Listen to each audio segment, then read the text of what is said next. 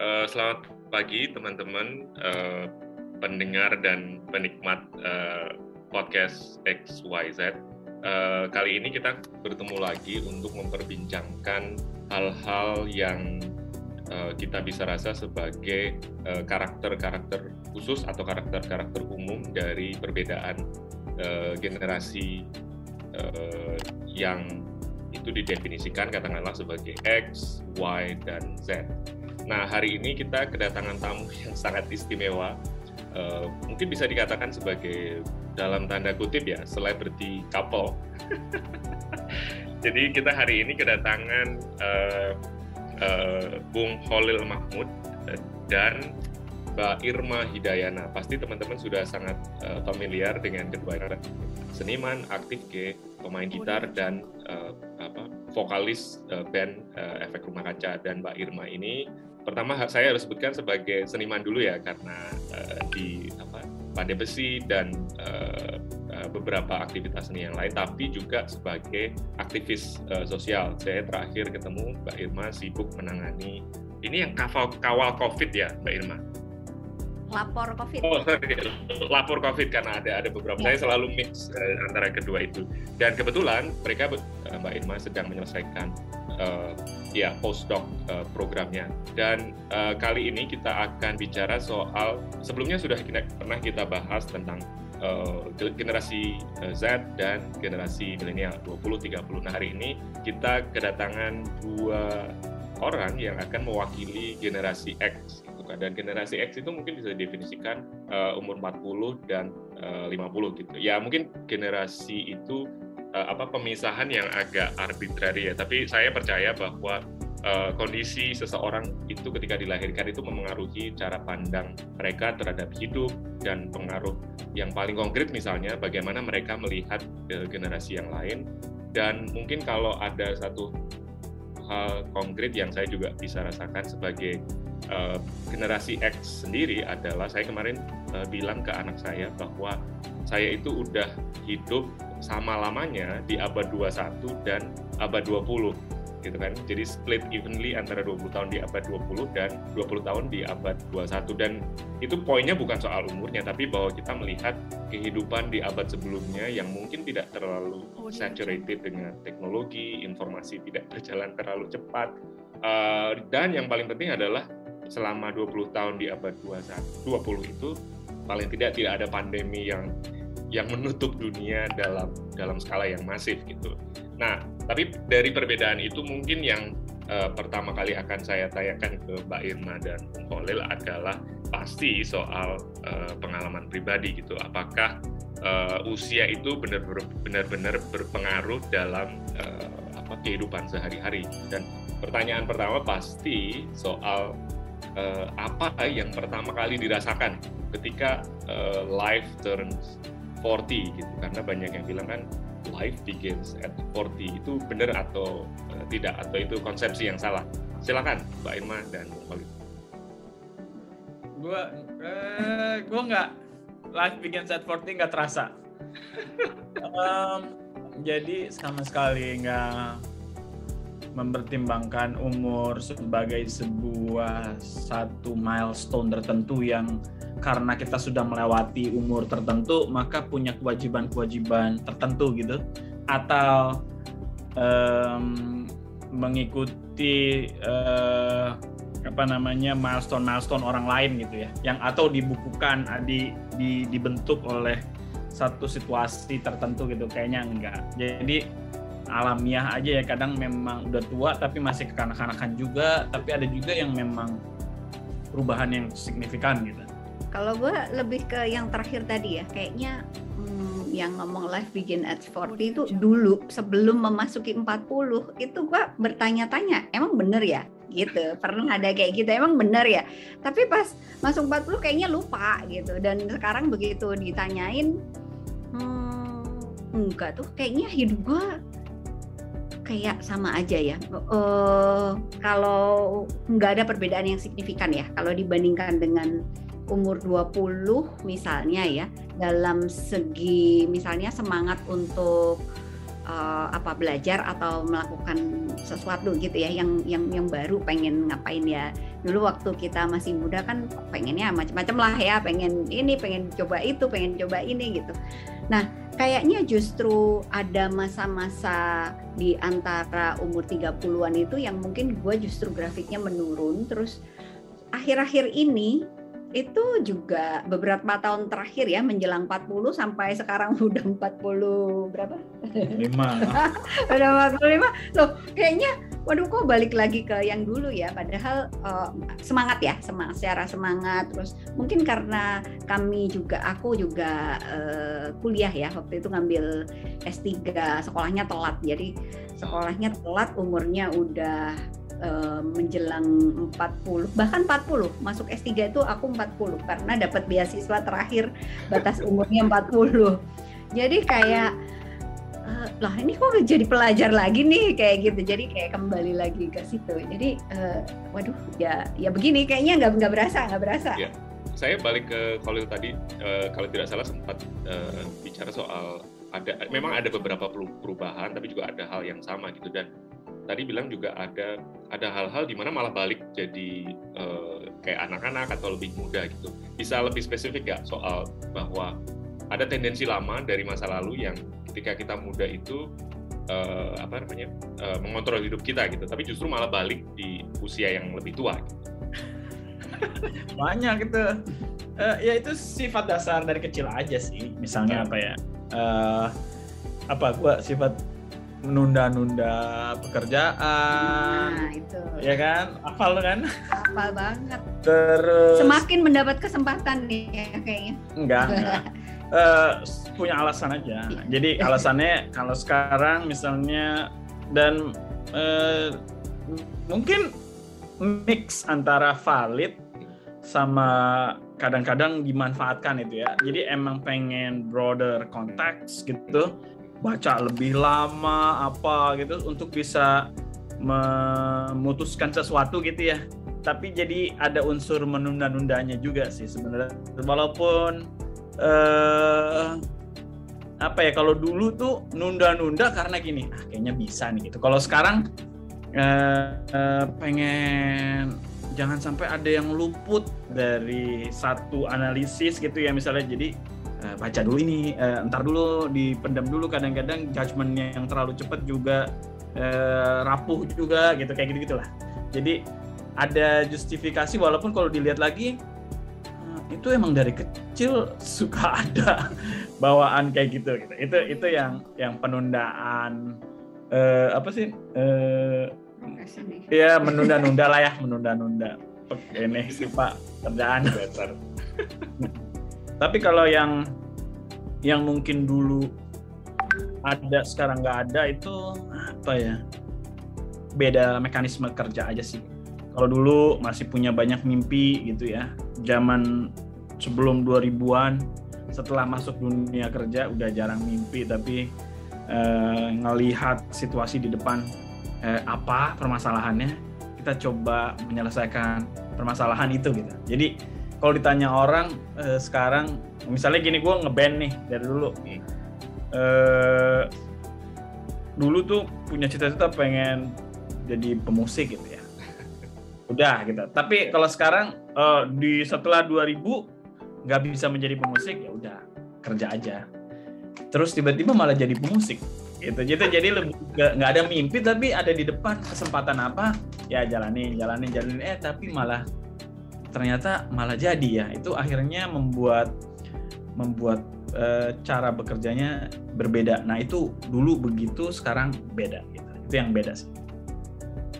Itu bisa saya karena saya tadi sempat seperti merasakan bahwa umur 40 menjadi lebih realistis gitu ya bahwa uh, dari dari dulu idealis terus kemudian menjadi lebih realistis setelah melihat kenyataan di luar sana kayaknya uh, susah gitu uh, saya menangkapnya seperti itu atau saya yang salah?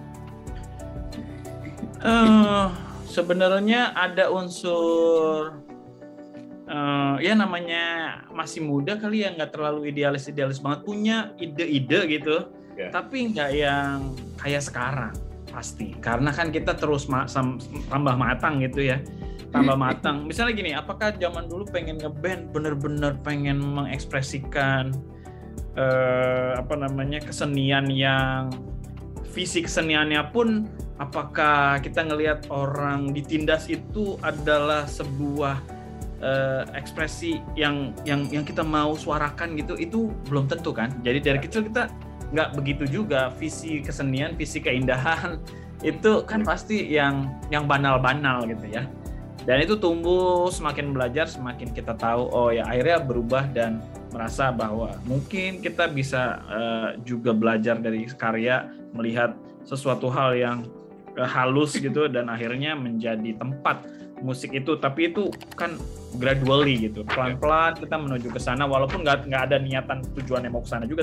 Ada nggak new wisdom yang muncul ketika sudah berusia 40 dan itu simply dari hasil akumulasi pengalaman dan akumulasi knowledge. A ada sih ya uh, pasti. Uh, pengalaman sama pengalaman hidup ya. Pengalaman hidup sama uh, yang dipelajari menjelang dan pada saat memasuki 40 sih itu menjadikan itu banyak apa ya reshape uh, bukan reshape ya uh, mungkin apa uh, menajamkan kali ya. Uh, kayaknya mungkin normal-normal aja sih menurut gue kayak orang mungkin dalam perjalanan gitu dia ketika dia mencari sesuatu kalau istilah makan garam gitu mungkin mungkin istilahnya makan garam gitu ya. ya kita makan garamnya lebih kenyang tetapi bukan hanya makan garam secara uh, pengalaman lapangan tapi juga karena kita uh, menggali dan mencari selain itu kali ya uh, kalau aku ya karena aku kan uh, kayaknya dalam 10 tahun terakhir kehidupannya lebih banyak uh, sekolah dan juga kebetulan pekerjaannya juga berkaitan dengan sekolah. Jadi pengalaman advokasi di bidang kesehatan ibu dan anak misalnya ya, tahu soal uh, apa uh, manipulasi perusahaan susu formula kepada kita bukan hanya masyarakat tetapi juga kepada dokter bahkan uh, policy maker itu tahu karena mencari tahu gitu. Kalau nggak mencari tahu mungkin nggak akan tahu gitu. Nah itu tuh kayak me, ini membuat membuat gue pribadi lebih lebih apa ya? Hmm, ya lebih banyak tahu dan sekaligus kayak lebih confidence gitu. Itu nah itu nggak tahu ya apakah itu berkaitan dengan umur tapi menurut gue umur itu sebagai medium aja memfasilitasi kita dalam uh, mengalami pengalaman ini dan juga mencari dan menggali apa yang kita mau gitu sih. Nah pertanyaannya sama dengan ke Khalil tadi soal bahwa apakah uh, apa menjadi lebih tua itu membuat Mbak Ima lebih menjadi seorang yang dan ini setelah mendapatkan akumulasi knowledge dan pengetahuan lebih banyak apakah men menjadi lebih uh, seseorang yang lebih optimis atau malah aduh ini kayak susah dan setelah ketemu menghadapi banyak tembok itu jadi agak pesimis gitu. Are you a realist now than you are 20 years ago? uh, uh, aduh, gimana ya? Uh, aduh, kalau menurut lu gimana gue? Hmm? gue uh, realis apa optimis? gue tuh suka menyemangati diri sendiri sebenarnya ya tetapi uh, gue nggak pernah take it seriously gitu take it personally atau take it seriously apalagi sekarang punya anak dan anak gue udah umur 12 tahun terus dia uh, uh, uh, to some extent dia ya anak sekarang pasti gadget uh, ini ya friendly dan dia wow banyak banget. Dia sekarang lagi uh, jago banget kalau ngomong soal geopolitik, geografi gitu ya, geografi kali lu tanya tanya ke gue peristiwa dari 1900 sampai before 2000 gue pasti bisa name a year gitu ya. Itu dan gue jadi ngerasa bahwa anjing gue nggak ada apa-apanya. Gue kadang-kadang justru malah kayak gitu karena setiap hari hari ngobrol sama anak gue yang punya beberapa skill yang hmm. ada gapnya kan kita generasi X Y Z ini. Jadi kayak justru makin jadi gue ngapain ya? Gitu kadang-kadang kayak gitu gitu. Iya, iya, iya. oke okay. uh, eh, ini balik ke pertanyaan yang lebih umum lagi ya. Uh, kalau uh, apa ada nggak hal-hal di, di usia 20-an, 30-an yang rutin dilakukan atau yang biasa dilakukan yang sekarang umur 40 itu nggak bisa lagi dilakukan gitu. Kalau eh, mungkin ini ada hubungannya dengan faktor bahwa oh, tadi saya taruh kunci mobil di mana ya atau uh, tadi dompet di mana ya gitu. Itu ada pengalaman-pengalaman kayak gitu nggak? Kalau gue sangat banyak, jauh lebih banyak dari Holil ya. Holil mungkin juga ada, tapi kalau gue kayaknya sering ya apa ya? Lebih sering ya ketinggalan inget nggak ketinggalan? Oh, iya. Wah dompet di mana ya? Aduh dompet di mana? Wah pernah kita suatu hari kita pergi ke driving jauh gitu ya. Hmm. Terus pas mau pulang um, di jalan tuh, loh dompet mana ya? Padahal di dompet kan ada SIM, terus uh, uh, semuanya lah ya, kartu identitas, social security dan ATM gitu. Waduh gimana ini? Wah repot ngurusnya sampai kita berhenti, kita telepon temen gimana di mana. Ternyata di kantong. Sesimpel nah, itu. Sering itu. Sering banget. Enggak, intinya paling paling sering uh, concern terhadap sesuatu tapi paling sering hilang juga. Atau paling sering uh, uh, nasihatin kesehatan tapi paling sering sakit. Hmm, nah itu ya itu gua, gua kayak gitu. Ya. Harus ini harus itu, tapi ternyata gua sendiri yang ini. Yang sakit. ya, eh, tapi dan uh, faktor bahwa sekarang sedang ada di Amerika di negara lain. Karena kemarin sempat ada temen yang cerita dia lagi pindah ke luar negeri, mulai sekolah di pas di umur 40 tahun gitu dan itu hal yang sangat complicated menurut dia gitu karena hidup di negara lain itu lebih susah. Kalau buat Holly dan Mbak Irma, uh, fakta bahwa sekarang ada di Amerika itu membuat hal, -hal itu lebih susah atau mungkin sempat berpikir bahwa, aduh, ini lebih banyak perusahaan mending di negara sendiri. Ada nggak sempat kepikiran gitu?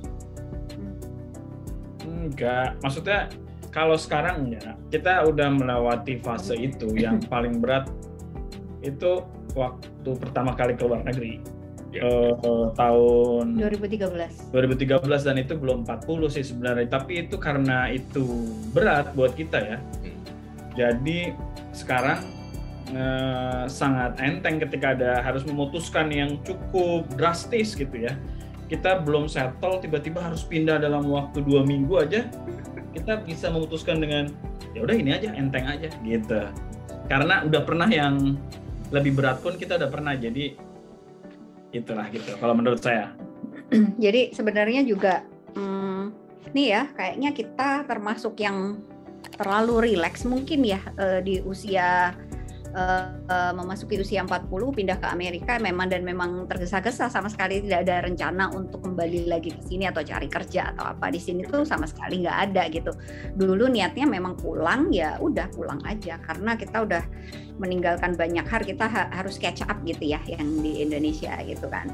Tapi ternyata tiba-tiba uh, ada disuruh balik ke sini gitulah ya. Dan itu keputusan harus diambil dalam waktu yang sangat cepat. Uh, ya udah kita sempat mikir serius beberapa hari tapi mikir seriusnya ya seperti mikir berdua dan kita konsultasi juga tanya-tanya ke beberapa orang ini kok dapat postdoc? Uh, diambil nggak ya? Gitu. Terus tapi oh, oke akhirnya diambil dan ya udah dijalanin dan benar-benar dalam waktu kurang dari tiga minggu kita langsung berangkat ke sini gitu.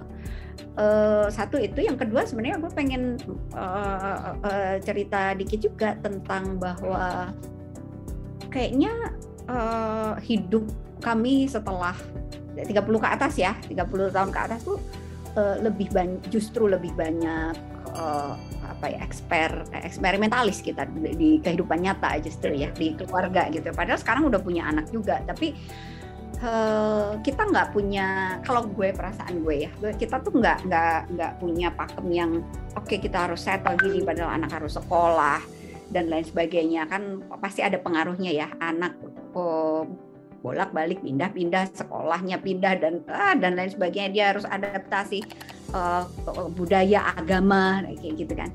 Jadi dan kemudian gimana nih masa depan ke depan nih kita mau ngapain dan lain sebagainya gitu ya. Tapi kita kayaknya justru yang bereksperimen ya di saat teman-teman yang mungkin orang lain yang umurnya di atas 40 mungkin mereka udah uh, jauh lebih settle kali ya. Tapi tergantunglah ukuran ya. uh, masing-masing. cuman ya udah santai aja sih sebenarnya eh bukan santai dijalanin aja gitu Jalanin aja. Ya. Kayak sera-sera gitu ya. kayak Iya. iya. Oke, eh, ini tadi di awal sedikit saya eh, apa singgung soal bahwa eh, saya juga sebagai anggota generasi X itu eh, eh, 20 tahun di eh, abad 20, eh, 20 tahun di abad 21 gitu dan pengalamannya saya pikir sama gitu bahwa eh, ada waktu yang sama yang kita habiskan di dua abad yang berbeda gitu dan eh, tadi saya sempat sedikit sampaikan soal wah ini ada pandemik atau barusan pecah ada perang besar gitu yang mungkin akan jadi perang dunia ketiga katakanlah gitu. Nah, eh, apa namanya? eh, bagaimana orang kita sebagai generasi X eh, melihat dunia sekarang gitu?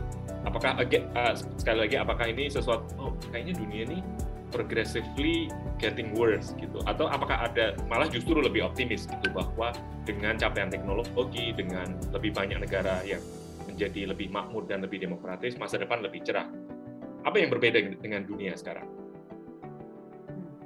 Gue ya apa yang berbeda? Ya informasi pasti. Informasi cepat banget, jadinya eh, eh, ya kita jadi justru malah perlu eh, apa ya lebih ada rest gitu. Kalau musik tuh ada restnya gitu, jadi nggak bisa terus menerus ada nadanya, ada restnya juga. Eh, untuk bisa eh, melihat lebih jernih gitu kali ya melihat lebih jernih dan eh, tadi misalnya barusan ada diskusi sama anak eh, dia cukup cepat misalnya menjangkau hal-hal yang bahkan gue jangkaunya itu di umur 35 tahun soal-soal ideologi ideologi misalnya philosophical eh, pemikiran-pemikiran filosofik gitu ya misalnya kayak nihilism segala macam gitu. Tapi gue juga sanksi apakah dia bisa mendapatkan pemikiran itu dengan baik. Ya. Eh, hanya pada eh, atau seperti tipikal informasi yang kita dapatkan sekarang itu yang sebenarnya banyak yang permukaan gitu. Jadi itu sebenarnya sebuah tantangan untuk bisa eh, nggak ingin tahu nggak apa-apa nggak tahu banyak gitu. Tapi kita cukup tahu beberapa hal cukup dalam gitu. Tapi kayaknya eh, karakter sekarang nggak begitu ya. Karakter sekarang itu menuntut cepat gitu. Jadi mungkin apakah kita akan kalah nih kalau kita menuju ke kedalaman dengan yang tahu banyak tapi permukaan semua atau gimana ya? Tapi merasa bahwa penting sih kedalaman itu untuk bisa paling enggak membuat situasi atau pem- pemikiran kita enggak enggak tersesat lah gitu. Mbak Irma? Eh, iya cara kita mengkon apa ya cara kita mengkonsumsi informasi dan beradaptasi dengan uh, apa progresi perkembangan yang sekarang ini ternyata beda banget gitu jadi kayak eh, apa hoax. Dulu kayaknya jarang banget ya atau karena karena tidak dimediasi oleh media yang sosial media seperti sekarang dan lain sebagainya. Bedain hoax, misinformasi atau disinformasi. Itu uh, susah banget ya sekarang itu. Terus sama satu lagi yang agak gue bingung adalah jadi sebenarnya gimana sih sekarang orang-orang itu emang konsumsinya selalu ke sosial media. Nah, terus Iya. yang banal-banal justru yang jadi panutan, jadi role model.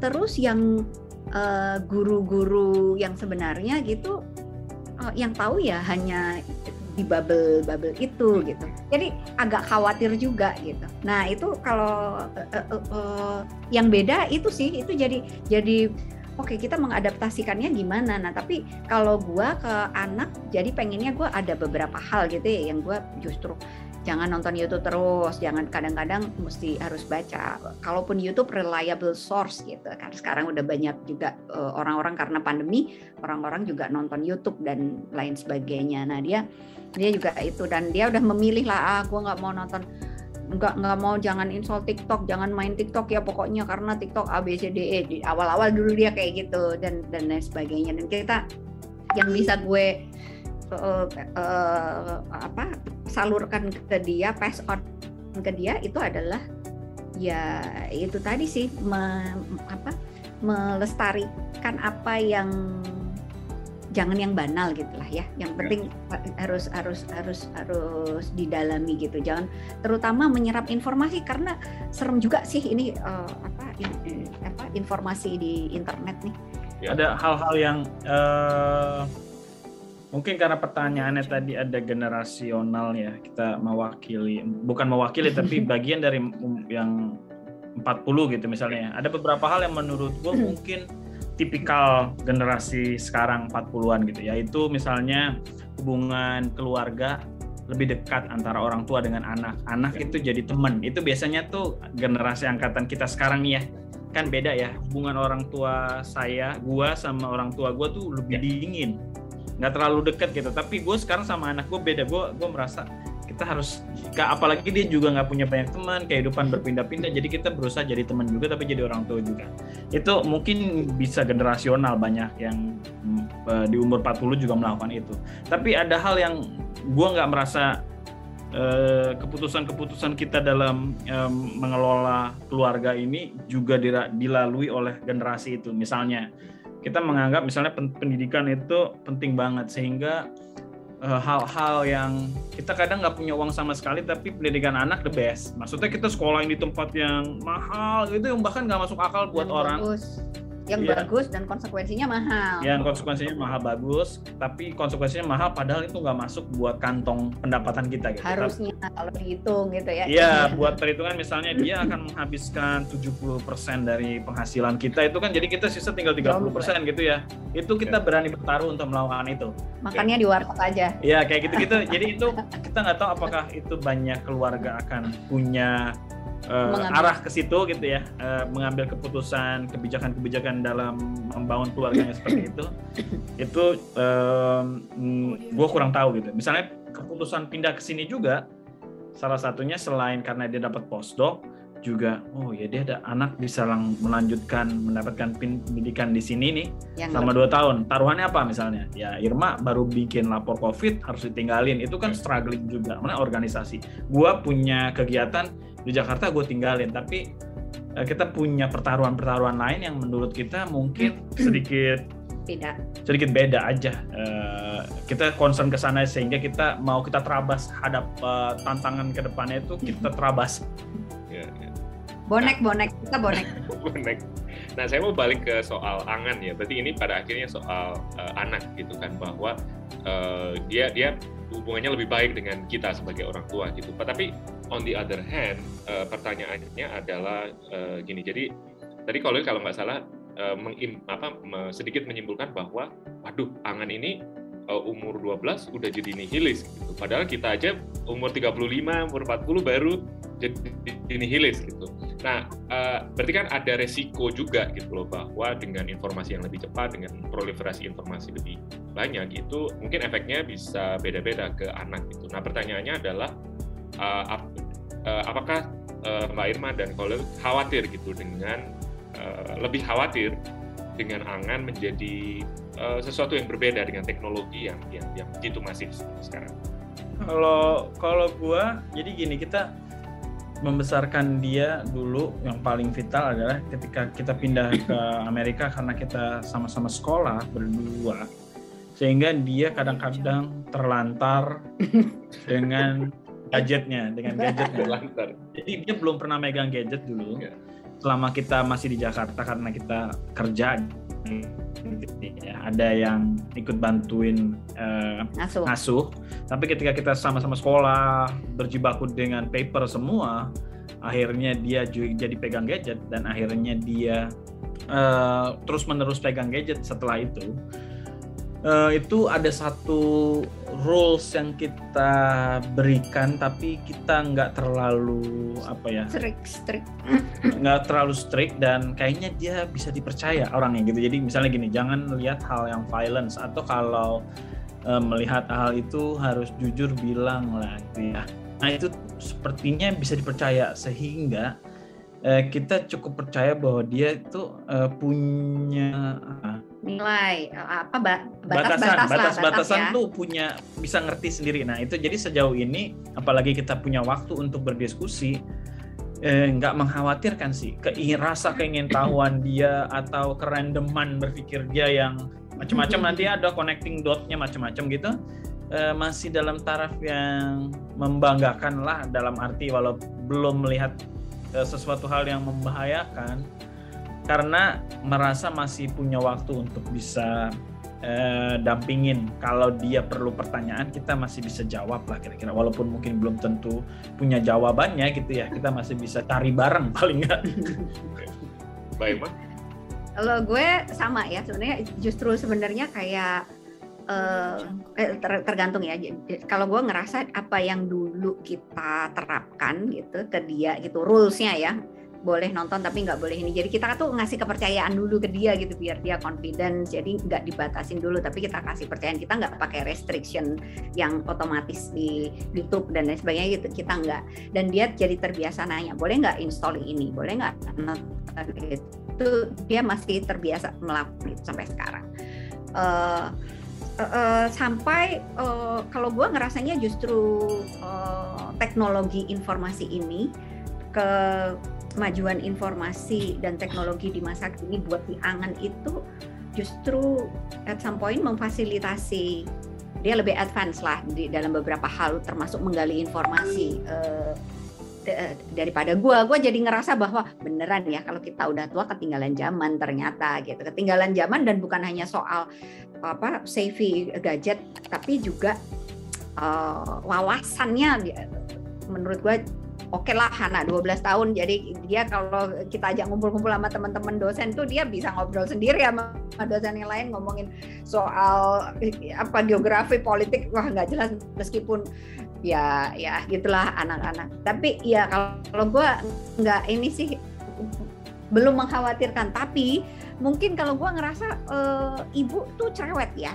Jadi gue kadang-kadang menyadari bahwa gue kadang-kadang di umur segini udah udah bisa mm, alamin bahwa oh ternyata benar usia segini tuh ada cerewet-cerewet yang memang gua kerjakan gua alami juga. Jadi gua sering ayo kamu main sama siapa? Misalnya gitu. Karena karena dia kalau main game online gitu kan dia dari dulu dikasih tahu nggak boleh main sama random people harus main sama orang yang kamu kenal gitu kan. Terus jadi gue selalu nanya padahal sebenarnya gue denger gue denger dan gue apal itu suaranya temennya dan lain sebagainya gitu. Tapi gue selalu nanya gitu. Padahal itu nggak perlu ya harusnya tapi gue lakukan gue juga Oke, dan konteksnya bercanda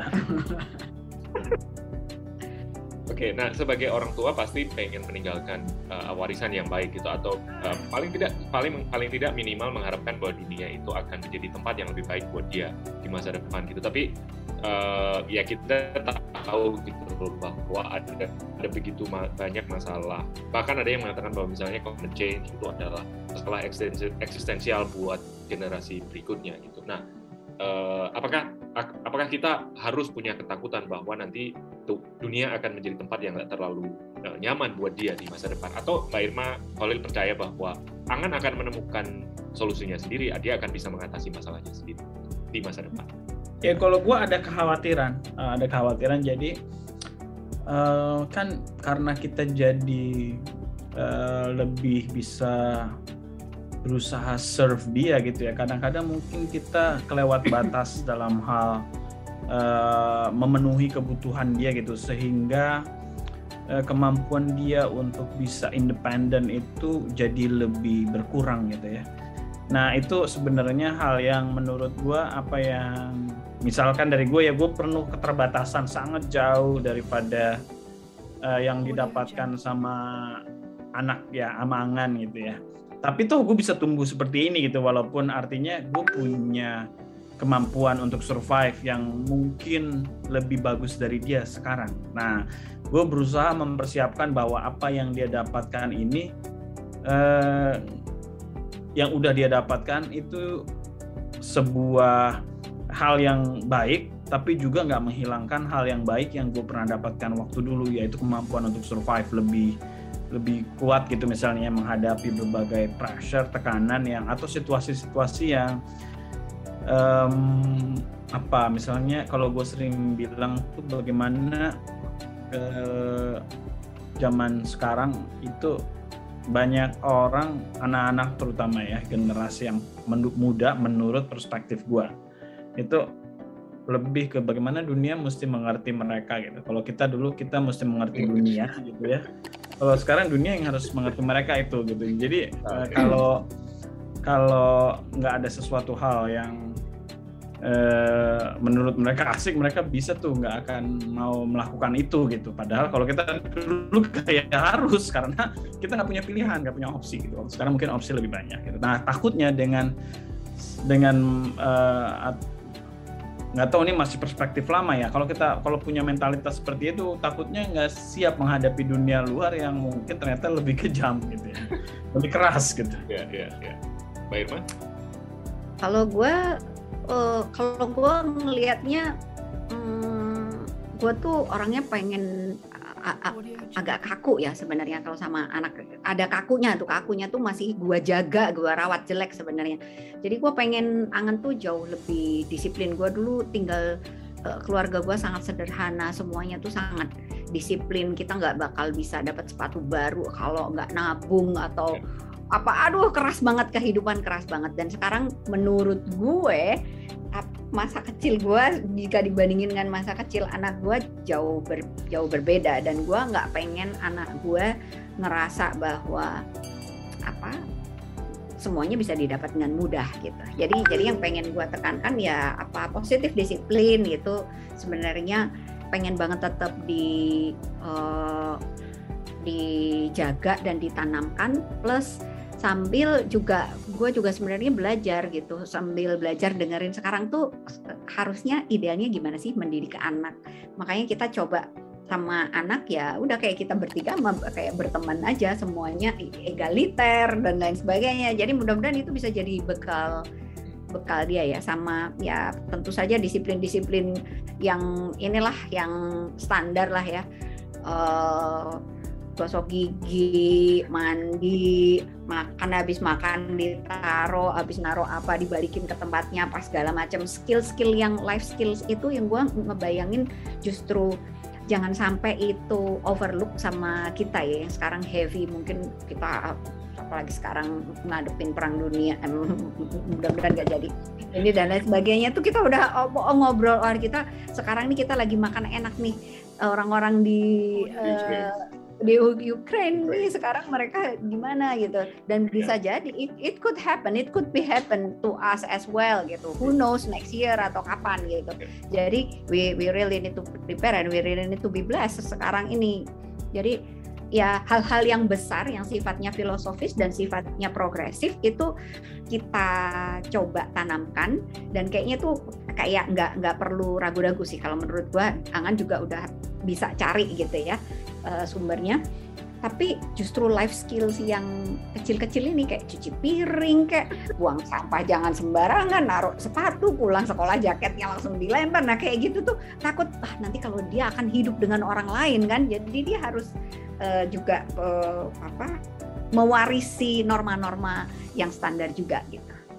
Ya tapi secara umum Mbak Irma dan uh, gini uh, uh, setiap generasi kan punya stereotip dan kecurigaan terhadap generasi yang lain gitu kayak misalnya uh, saya uh, agak pesimis misalnya pernah pesimis dengan generasi milenial yang uh, menurut stereotip itu kan self-centered terus kemudian hanya mementingkan uh, dirinya sendiri terus kemudian lebih jatuh ke hal-hal yang superficial gitu. Nah kalau dengan generasi angan atau generasi anak saya itu apakah masih apakah kita kita bisa yakin gitu loh bahwa mereka akan lebih bisa lebih kita harapkan untuk mendapat hasil yang lebih baik di uh, masa depan gitu. Ini secara umum bahwa apakah mereka kita bisa harapkan karena mereka adalah hasil didikan kita gitu. Ya sesuatu yang tadi kalau dibilang bahwa kita lebih dekat dengan mereka kita lebih uh, konsisten menanamkan nilai-nilai itu uh, dibandingkan misalnya generasi sebelumnya yang mungkin tidak mendapatkan itu.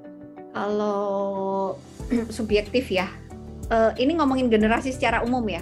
Ya waduh kalau generasi secara umum sih kayak agak hopeless sih. Jangan-jangan semakin self center semakin uh, semua yang banal-banal itu karena role model uh, platform komunikasi dan platform kita bersosialisasi serta berinteraksi dengan uh, manusia yang lain itu sekarang beda. Dan sayang yang uh, disajikan itu oh, justru yang nggak cocok lah dengan uh, kita. Dan lebih self center dan lebih mengacu pada uh, apa uh, bukan substansi gitu ya bukan yang esensial gitu. Kalau gue secara umum sih gitu. Ya. Iya sih uh, pesimis sebenarnya kalau secara secara generasional ya gitu lebih pesimis karena memang tantangannya uh, uh, apa ya mereka punya uh, ruangan baru gitu ya sosial media yang yang terbukti punya dampak yang uh, macam-macam gitu. Uh, yang buruknya banyak juga gitu yang uh, sekarang jadi problema di anak-anak termasuk di Indonesia maupun di, di Amerika di dunia ya gitu uh, bagaimana sosial media mempengaruhi mentalitas anak-anak uh, yang sekarang gitu Nah, kan itu mungkin bisa bisa jadi uh, bisa diminimalisir dengan waktu yang waktu komunikasi yang imbang antara orang tua gitu ya. Selain mungkin pembatasan pembatasan-pembatasan sudah dilakukan oleh misalnya guru dia mereka ya. Mereka uh, situasi tertentu nggak boleh buka sosial media di sekolah gitu tapi habis itu uh, karena privacy dan lain-lain kalau di sini boleh juga mereka di kamar aja gitu nggak keluar-keluar. Dan itu terjadi gitu. Uh, jalan keluarnya mungkin hubungan keluarga yang masih bisa uh, apa ya saling memantau gitu kan sebenarnya sama ya. Jadi kalau buat uh, kita ya, uh, kita melakukan itu untuk bisa saling tahu lah ya ngapain si anak terutama. Tapi kalau buat orang lain, terutama misalnya hasil observasi kita dengan teman-temannya aja ya, ya ada juga mungkin yang memang uh, situasinya nggak sama dengan kami gitu, punya waktu untuk memantau gitu ya. Bahkan waktu di Indonesia gitu juga mungkin guru uh, orang tua murid Iya nggak nggak tahu anaknya itu uh, lagi menghadapi apa di sekolah gitu iya. sehingga ya mungkin nggak ada bantuan gitu kalau memang ada kesulitan gitu. Ya mungkin uh, ini menjelang menit-menit terakhir jadi kita mungkin masih punya waktu 5 sampai 10 menit lagi saya mau nanya yang agak ringan dan ini mungkin juga berhubungan dengan bagaimana kita uh, mempersepsikan uh, apa yang mereka nikmati katakanlah dalam hal misalnya uh, musik karena ini dua-duanya adalah keluarga atau tiga-tiganya keluarga musisi pasti saya akan nanya uh, soal musik. Ini inevitable pasti gitu. Karena uh, ya saya saya saya juga punya pengalaman dengan anak saya uh, ketika saya masuk ke kamarnya wah ini kok ada suara-suara aneh gitu kan. Hal-hal yang musically saya nggak bisa mengerti gitu. Tapi di sisi yang lain saya mencoba misalnya uh, apa menanamkan bahwa oh, ini uh, apa hanya dengar musik dari uh, piringan hitam gitu atau paling nggak CD lah gitu. Saya menanamkan nilai-nilai lama itu ke dia dan sepertinya ada jalan tengah hibrida. Dia tetap pakai streaming, tapi kalau dia mau serius mendengarkan musik ya secara fisik. Gitu. Nah, kalau buat Mbak Irma dan uh, Khalil ini uh, bagaimana menanamkan itu dan apakah sering terbit apa sering muncul juga ketika masuk ke kamar ini apa sih yang lagi dia dengerin gitu ini hal-hal yang kita nggak nggak bisa mengerti gitu ada pengalaman-pengalaman seperti itu pasti. Silakan. Hmm. Kalau gue um, uh, agak konvensional juga sebenarnya kayak misalnya uh, ayo dong belajar uh, uh, latihan terus kayak gitu gitulah yang standar standar gitu tapi kalau musik itu nggak um, ada yang khusus gitu ya karena dia memang dengerinnya mungkin terbiasa yang apa yang didengerin kami ya, yang dengerin bapaknya gitu kali ya. Dia kemudian nyari nyari sendiri gitu. Waktu dia dan dia tuh ber apa bukan bermetamorfosis tapi eh, dia masih berubah-ubah ya masih anak kecil ya dulu dia sangat suka hip hop dia nge-rap dia punya dua single dia bikin lagu sendiri terus kehidupan uh, kita banyak belajar ya karena kita dua-duanya belajar terus kita sering ngobrol ngobrol dan lain sebagainya dia tuh dengar jadi kita tuh nggak ada segregasi kalau kita kenapa-napa ya. Kita mendengarkan sesuatu Angan selalu mendengarkan hal yang sama gitu. Gue belajar sesuatu kadang-kadang dia juga dengar jadi dia sedikit-sedikit tahu lah gitu ya. Jadi nah jadi dia bisa punya mungkin itu dia terpengaruh juga dari itu. Jadi dia menggali sendiri. Nah cuman, cuman kalau gue itu kayak konvensional ayo dong latihan terus dong biar bisa biar bisa biar bisa gitu. Padahal gue juga belajar dulu waktu gue kerja uh, apa dapat pelatihan hak anak itu sesuai dengan tumbuh kembangnya anak itu bisa berkembang sendiri kok nanti dia menemukan sendiri. Kalau belum waktunya dia nggak bakal bisa into one specific instrumen atau one specific apa musik yang dia gemarin gitu. Uh, selanjutnya membebaskan. Dan dia sekarang udah nggak mau lagi dengerin rap musik karena aduh aku malu deh kalau dengerin rap aku sekarang belajar main bass lah, belajar main gitar lah. Nah sekarang terakhir trompet. Dan dia uh, apa sekarang dengerin jazz setelah melalui banyak ya. Uh, ada Radiohead, ada sebelumnya Godzilla, Weezer, uh, Radiohead, terus kemudian Beatles sekarang uh, jazz dan uh, sangat uh, ini sangat menakjubkan juga. Jadi suatu hari gue nyetir sama dia mau ngeprint gitu di kampus gue ajak dia terus pas di mobil itu dengerinnya kita dengerinnya NPR kan. Itu pas acaranya tuh musik, eh, musik klasik. Oh. Acaranya tuh musik klasik. Jadi ini terus gue gantilah itu radio terus dia marah-marah hmm itu musik klasik itu bagus. Kita harus enjoy the music. Itu lihat deh kamu lihat part ininya. Oh oke. Okay. sekarang kok jadi musik klasik? Ya udah deh gue ngikutin aja. Jadi gue ngeliat dia masih berubah jadi ya udah biarin aja lah kalau gue gitu. Oke. Okay. kalau kalau gue eh, bukan eh, cara menikmatinya tapi terutama eh, genre kali ya. Eh, menurut dia kadang-kadang uh,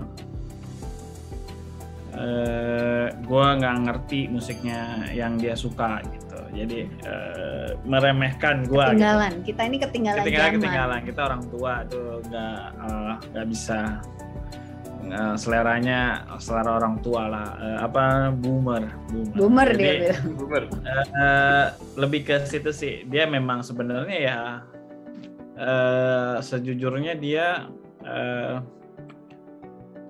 apa namanya hip hop mendalami hip hop itu di saat kita nggak ada yang mendalami itu gitu. Jadinya ya memang dia tahu bahwa dia nggak bisa mempercayai selera kita gitu dalam hal genre itu ya. Sehingga itu terus berkelanjutan uh, karena kadang mungkin dia merasa ada yang uh, ada yang ya boleh lah nih lagunya gitu. Lagu bapaknya ada yang boleh tapi lebih ke ya biasa lah gitu. Lebih ke kayak gitu. Jadi uh, menurut dia uh, selera musik kita tuh hmm, biasa aja.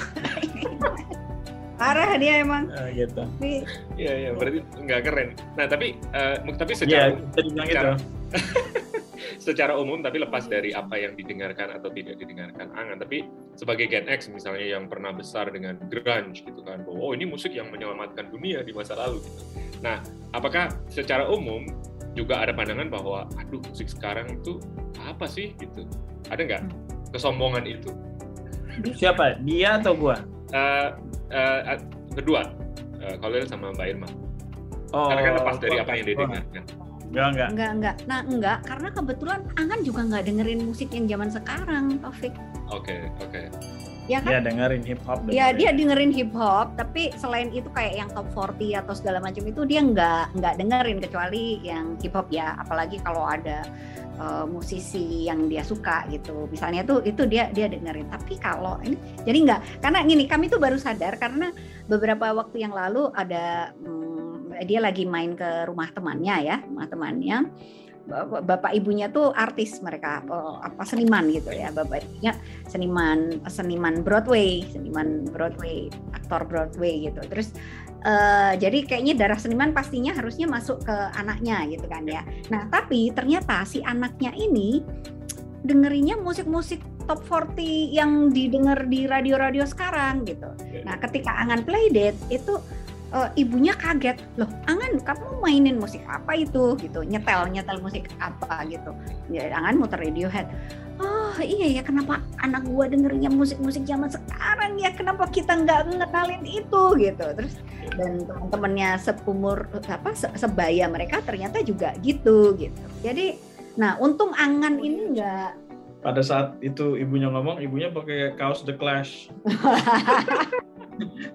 jadi gue lihat ibunya pakai kaos The Clash lagi gini London calling gini. Jadi kayak aduh dia tuh kayak menyesal gitu. Jadi terus uh, ya gue jadi mikir oh ya udahlah mungkin setidaknya dia sesuai dengan yang uh, kami bayangkan gitu. Nggak keluar dari yang kami uh, bayangkan gitulah. Iya. Tapi ya nggak iya gitu deh. Ya gitu ya, deh lah buktinya kenapa kalau, dia sekarang suka klasik. Ya enggak gue jadinya uh, pegangannya adalah kayak tadi ya bagaimana kita memberi kebebasan dia berselancar di internet karena dia yeah. pasti udah punya rambunya. Nah kalau soal uh, musical taste gitu gue cukup percaya kayaknya dia uh, udah bisa dilepas lah itu nggak perlu dikasih rambu-rambu kalau itu. Bahkan dia mungkin uh, dia yang ngeledek ngeledekin kita gitu jadi ya, udah, yeah, yeah. Oh, udah jalan yang benar itu ya yeah.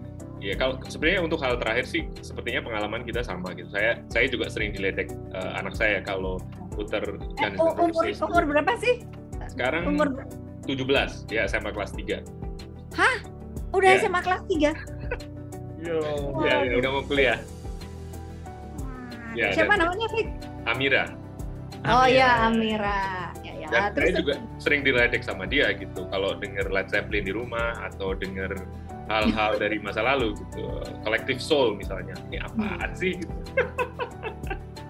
ya jadi untuk hal musik ya, saya pikir mereka tadi Holil sudah bilang bahwa silahkan mereka menemukan uh, jalannya sendiri dan mungkin le lebih dari soal ideologi dan soal-soal teknologi tadi saya pikir tidak ada hal yang salah dalam uh, taste music gitu kan dan saya pikir kita bisa akhiri I think we can end on that positive note uh, setelah membahas hal-hal yang doom and gloom di awal tadi.